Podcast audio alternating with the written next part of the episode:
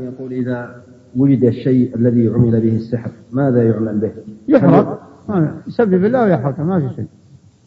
نعم. أيضا مجموعة من الأسئلة تسأل عن حكم الذهاب إلى السحرة لعلاج السحر. يقولون يعني أسئلة متفرقة منهم من يشتكي من عدم الزواج أو من المرض أو تشتت الأسرة أو نحو ذلك. فيذهبون إلى السحرة ويقولون نحن مضطرون إلى الذهاب إليهم. فما حكم الذهاب إليهم وما المراد بقول النبي صلى الله عليه وسلم من أتى كاهنا أو عرافا فصدقه بما يقول فقد كفر بما أنزل على محمد. ما المراد بالكفر هنا؟ هذا جزاه الله خير. أقول هذا السائل كفانا الموضوع. سأل وأجاب. لا يجوز الذهاب للسحرة لأنهم لا يعالجونك إلا وقد رسخ إلا وقد ذهب ما عندك من الإيمان وآمنت بهم. وهذا ما تريد الشياطين. فالعلاج السحر بالرقى والعزائم المشروعة. والعزائم المشروعة. وإن عثر على علاج حسي عند الأطباء فلا بأس. وأما الذهاب إلى الساحر ليعلمه تقدم في المحاضرة لا يجوز. ولا يجوز استخدام الجن ليخبروه لأنه ما, ما لا يخدمونه إلا وقد آمن آمن بهم. ولا يجوز الاستعانة بهم. أما وحينما يأتيه من إنس من دون أو أو جني من دون طلب من دون طلب ويخبر بهتك أو رؤيا صالحة فهذه أشياء لا بأس بها لكن يستخدمه ويناديه هذا الذي لا يجوز. هذا اللي هو وش تفرم منه؟ صار يضرك السحر؟ هذا ضرر أكثر. لأن شياطين الجن يريدونك تتعلق بهم وتدعيهم تدعوهم على علم الغيب. أنت ما تدريهم يجيبونك ولا ما يجيبونك. فتنحل عقيدتك بمجرد ما تتوجه لهم. هذا الدعاء. فإذا وجد علاجات مشروعة أدوية هذا لا بأس. قراءات وأوراد ممن يوثق به هذا طيب.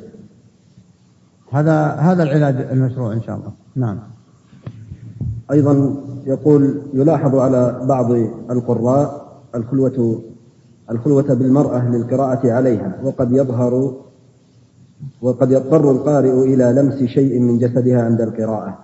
فهل هذا هذه من من الأساليب التي لا تجوز. أولا الخلوة والرسول قال لا يخلون رجل بامرأة إلا مع ذي محرم. ثانيا من قرر أن هذا علاج يحتاج إليه ليس كالطبيب الحسي الذي سيعمل جراحة. فيعمل حتى الطبيب الحسي لا يعمل جراحة بالمرأة إلا بحضور. فالقارئ لو كان قارئ صحيح ومؤمن بالقرآن والسنة ما استباح الخلوة بالمرأة وأخذ يجري يده على مراقها وعلى عوراتها وعلى رأسها. لا يجوز هذا. لا يجوز أبدا أن يخلو بها. ولو قدر أنه مطوع صحيح يقرأ القرآن فلماذا يخرج زوجها؟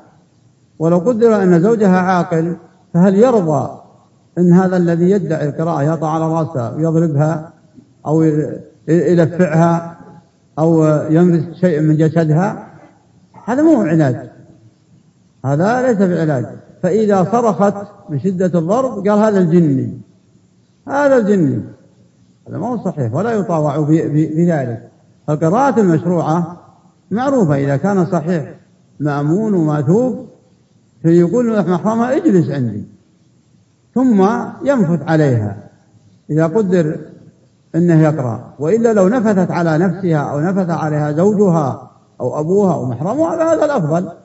لكن إذا فرضنا أن نطوع سليم أن نطوع سليم هذا لا بأس. لكن إذا قام مطوع يقول دخل حرمة كرة هذا مطوع هذا مو صحيح مو مطوع. أبدا هذا منافي للطول مطوع يعصي الله ويعصي الرسول يقول لا يخلو رجل امرأة إلا مع ذي محرم. وقد ذكرت عدة نساء عن هؤلاء المتلبسين بالقراءة في طرق غير مشروعة. وإذا خرج تندما حينما يقال لها أثبت أثبت. ما عندي شأن شهود أجيب شهود الجدران. دخلني زوجي عليه وراح. صار الخطر منه ومنها. المقصود أن المطوع الصحيح لا يرضى أن يخلو بالمرأة. فلو قدر أن عنده احتساب بالرقية لا بد أن يحضر معه معها محرمها. وبدون تطلع على عوراتها ومحاسنها. نعم. يقول رجل مسحور لا يحب القرآن ولا الذكر ولا الرجل الملتحي فكيف فتصعب رقيته؟ فما العمل معه؟ صلى السلامة حين صعبت رقيته. ولو رقل على نفسه ولا هناك من أقل من يرقى عليه. معنى لا نقول نسأل الله أن يشفيه ويعافيه. هذا ضيق واسعا والحجر واسعا. لا يبي الرقية ولا بأهله ولا بأهله فماذا نعمل؟ أنا لا يدعى له بالشفاء ويحافظ على عقيدته. لا, لا تنحل إلى الكفر وهكذا آه، أقاربه. إن استطاعوا بعلاج محسوس عند الأطباء هذا طيب أو من يرقي رقية شرعية واضحة ليس فيها لغمطة ولا فيها آه، استخدامات ولا فيها هذا طيب. وإن كان لا رقية إلا بذهاب العقيدة فلا فبئس هذه الرقية. يبقى عقيدة سليمة ويموت ألزم من أحسن من أن أن تذهب عقيدته ويموت على الكفر. نستجير بالله. نعم. سؤالان يقول نفس السؤال يعني نفس السؤال. يقول هل يجوز إقامة الحد من الأفراد على الساحر؟ حيث إن إحدى زوجات الرسول صلى الله عليه وسلم قتلت جاريتها التي سحرتها. آه لا يجوز أن يقيم الفرد الحد على فرد آخر ولا يقوم الحدود إلا الإمام إلا الإمام أو نائبه وما ذكر عن المرأة عن إحدى زوجات الرسول فيحمل على أنها أذنت بقتلها أو إن الحاكم أمرها بقتلها وزوجات الرسول أراها حاكم زوجتها ملكها. ما قامت الحد على أفراد الناس ملكها. رققتها أمة لها. ومع ذلك يحتمل أنها أن الحاكم أذن لها. نعم.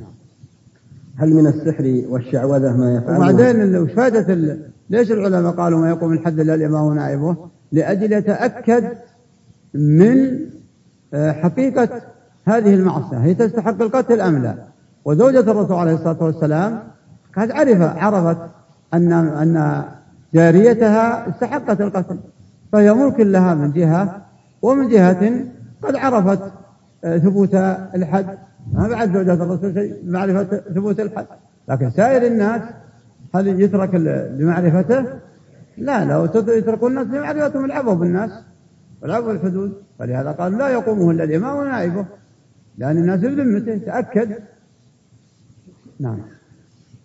هل من السحر والشعوذة ما يفعله بعض العوام من وضع البخور في المنازل عند القلق والضيق ويقولون هذا دواء شعبي؟ ما ما يستبعد أنه منه.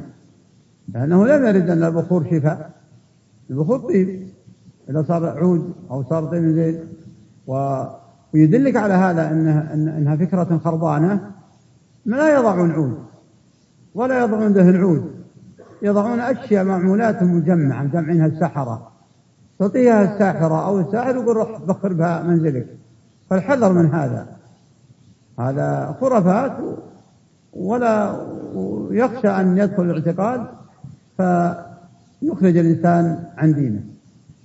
ما أقول أن مجرد البخور يكفر الإنسان. لكن يخشى. طريقة حكيمة بلا شك ولا ريب. نعم. سؤال يا شيخ عن ولهذا ما يعطيهم عود. عود كسرة عود طيب يقول روح طيب تحطي بحجرة تزيل ريحة زوجك لا الله يعافينا بلن مجمع إيه ما يدرى وشو نعم. الذبيحة التي تذبح بطلب الساحر ما حكمها وحكم الأكل منها؟ على كل حال إذا إذا طلبها بحكم الساحر أو الجني اللي ب أو بزعمه الجني اللي بالمرأة أو بالرجل هذا هذا خطر من الكفر. الذبح لغير الله شرك. الذبح لغير الله شرك. لا لا لا, لا, لا يجوز. ولهذا التساهل في الشرك يا إخوان من قديم الزمان يذكر أن أحد العلماء أجرى اختبار قالوا له الطلاب يجي يجي قراءتنا في كتاب التوحيد. قريناه كثير كثير. عطنا فقه. والفرق بين التوحيد والفقه التوحيد هو ما يدور حول معنى لا إله إلا الله العقيدة الصحيحة والفقه الأحكام. فسكت هذا العالم ثم بعد ذلك اهتبل غفلتهم. فأخذ ينعس في الدرس بعد الفجر. قال واحد لا بأس عليك يا شيخ وش علمك؟ قال والله البارح حصل ضجة وصياح وطلعنا لمنه ووجدناها امرأة مريضة وتصايح بها جني وأنه قال اذبحوا خروف واطلع. وذبحوا لها خروف؟ ما رأيكم؟ قالوا سهل بسيط يا شيخ خيف ويطلع جني. اي سكت. بعد أيام نفس القضية وش علمك؟ قال والله حرمة صيحت وخرجنا لمها وإذا هو رجل سلق عليها يريد أن يفعلها الفاحشة وش رأيكم؟ قال أعوذ بالله يجب إن هذا يقتل فجعلها الشيخ رحمة الله عليه في كشف الشبهات محمد عبد الوهاب لما ألف قال من الجهل وأن هذا من أكبر الجهل وهو قولهم التوحيد فهمناه. أما هم يقولون فهمنا التوحيد؟ فإذا كتبوا التوحيد ليش الشرك تسهل ذبح خروف الجني والفجور اللي هو الزنا ما هو كفر إلا إذا استباحه. من استباح كفر ولو ما زنى. لكن لو زنى بموجب الشهوة هذا فسق ولا عد كفر. فيقول وأن هذا من أكبر الجهل وهو قوله ما التوحيد فهمناه. رحمة الله عليه مسجلة موجودة في الشبهات وهذا سببها. يعني آه، الشرك الكفر ذبح لغير الله قالوا سهل. أمور التوحيد دقيقة يا أخوان العقيدة ما هي سهلة. والفسق من قديم الزمان حتى حتى الجهال حتى في وقت الجاهلية يتعاظمون الفسق. يتعاظمون يعني آه، الزنا. لكن الشرك ما هو سهل. نعم. يقول هل المسحور يعاقب على تصرفاته مثل تركه للصلاة صلاة الجماعة أو غيرها من الأعمال؟ يختلف المسحور إن كان وكل به إلى اختلال في العقل هذا مرفوع عنها القلم. وإن كان معه عقلية و ويتصرف ويعقل يعرف اوقات الصلاة هذا لازم يعاقب. هذا على حسب ما يراه الحاكم. نعم. هل هل يتدخل الجن في العين في جميع الأحوال أم فقط العائن؟ يعني العين هل تكون من العائن فقط أم من الجن؟ هذا يسأل الجن لا يسأل الجن لا منك التقيت بهم نعم. هكذا يقول هل ما نشاهده اليوم؟ لا هو غالبا العائن أخوان مو من الجن. العائن حطوا بالكم. العين اللي نسميها النظرة والعين واضح عندكم؟ هذا أسبابها يكون شح وحسد بنفس العائن. فإذا رأى شيء زهقت نفسه من شدة الشفقة على ما رآه ومن شدة الحسد على من رآه عليه. فلهذا شرع للإنسان حينما يرى ما يعجبه أن يبادر بما شاء الله لا قوة إلا بالله. ولهذا قد يضر العائن نفسه كصاحب الجنة. لما رآها أعجب فأصبحت رماد فقال الله تعالى ولولا إذ دخلت جنتك قلت ما شاء الله لا قوة إلا بالله إن تراني أنا أقل منك مالا وولدا. فلربما الإنسان إذا رأى ولدا أو زوجة أو ماله شهقت نفسه ولم يذكر الله عليه ولم يقل ما شاء الله فيصاب بعينه بنفسه. فلهذا شرعت المبادرة بما شاء الله لا إله إلا الله حينما يرى الإنسان ما يعجبه سواء لنفسه أو لغيره. هذه فائدتان عن الجواب الجواب وزيادة. الله يوفق الجميع نعم. ما حكم من أنكر أن النبي صلى الله عليه وسلم قد سحر قد سحر؟ وحجته في هذا أن هذا نقص في كمال النبوة. أنا أجبت عنه. خايف من هالسؤال. وأجاب عنه علماء. وقالوا سحر لم يؤثر في العقلية ولا في الفكر وإنما هو في البدن فقط. حتى يرتفع هذا الإشكال. نعم. يقول ما حكم من أراد أن يصوم ستة أيام من شوال في يوم الجمعة فقط؟ لأنه ليس لديه إجازة إلا يوم إلا يوم الجمعة. على كل حال إذا ما خص الجمعة لكونها يوم جمعة ما يضر. وإنما النهي عن إفرادها لاعتقاد فضلها. كونها يخصها من أجل كونها يوم الجمعة. أما كونه ما فرغ إلا هذا اليوم لصيام الست أو قضاء ما يضر إن شاء الله. ما ما يدخل في النهي. واضح هذا؟ إذا جاء جواب ما وضح ما في مانع أن يقول السائل أعد الجواب. وإذا وضح الحمد لله. نعم. امرأة توفي عنها زوجها المسافر ولم تعلم إلا بعد موته بشهر فكيف تكون العدة؟ هي العدة هي هي. تحسب منذ مات. ولكن ما مرها من الشهر وهي على زينتها لأن يجب عليها الإحداد ما يضرها لأنها لم تعلم ولا تواخذ فإذا بلغها العلم بعد شهر آه، تعمل الإحداد باجتناب الزينة من ثياب وطيب وتلزم بيت آه، زوجها الذي مات الذي مات وهي ساكنته. وتحسب الشهر من العدة وكونها في أثناء الشهر ما اجتنبت ما يجب اجتنابه لا يضرها لأنها لم تعلم. اتقوا الله ما استطعتم. نعم. يقول ما حكم الدعاء الجماعي بعد الصلاة المفروضة؟ ما شرع. كونه يتقدم واحد يدعون وهم يؤمنون. وإنما شرع أن كل واحد يذكر الله على حدة فمجموع الأصوات صار كأنه جماعي لكن ما يعد جماعي بحيث أنه ما قصد ولا رتب أن يكون جماعي بحيث يدعو لهم واحد يدعو لهم واحد ويؤمن. إنما آه، شرع شرعت الأذكار. بعد الفريضة من الجماعة فاجتمع الأصوات آه، صار جماعيا ما قصد بترنمات وواحد يدعو وهم وهم يدعون معه. هذا لا ما يصلح. كونهم يذكرون الله وإذا ارتفعت أصواتهم وإذا أخرت ما في شيء والله الحمد. نعم.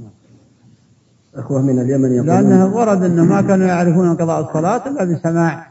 الذكر. فدل على أن الصحابة يرفعون أصواتهم بالذكر. نعم. إخوة من اليمن يقولون عندنا انتخابات برلمانية فهل ندخل أو هذا هل ندخل فيها أم حتى نعاون الصالحين أم لا؟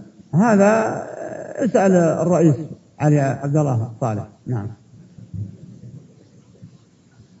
نختم بسؤال؟ أساسا جنس أقول السؤال هذا خارج عن حدودنا ونطاقنا و حول إرشادات وأحكام بالأشخاص. نعم. هو يسأل يا شيخ هل يدخل هل تنصحونه ب علمت علمت علمت علمت يسأل الرئيس. نعم. نختم بهذين السؤالين ونترك للشيخ حفظه الله أن يجيب بما يراه يقول أولا فضيلة الشيخ لماذا أنت مصر على مقارنة بلدنا بغيره في تطبيق الحدود الشرعية؟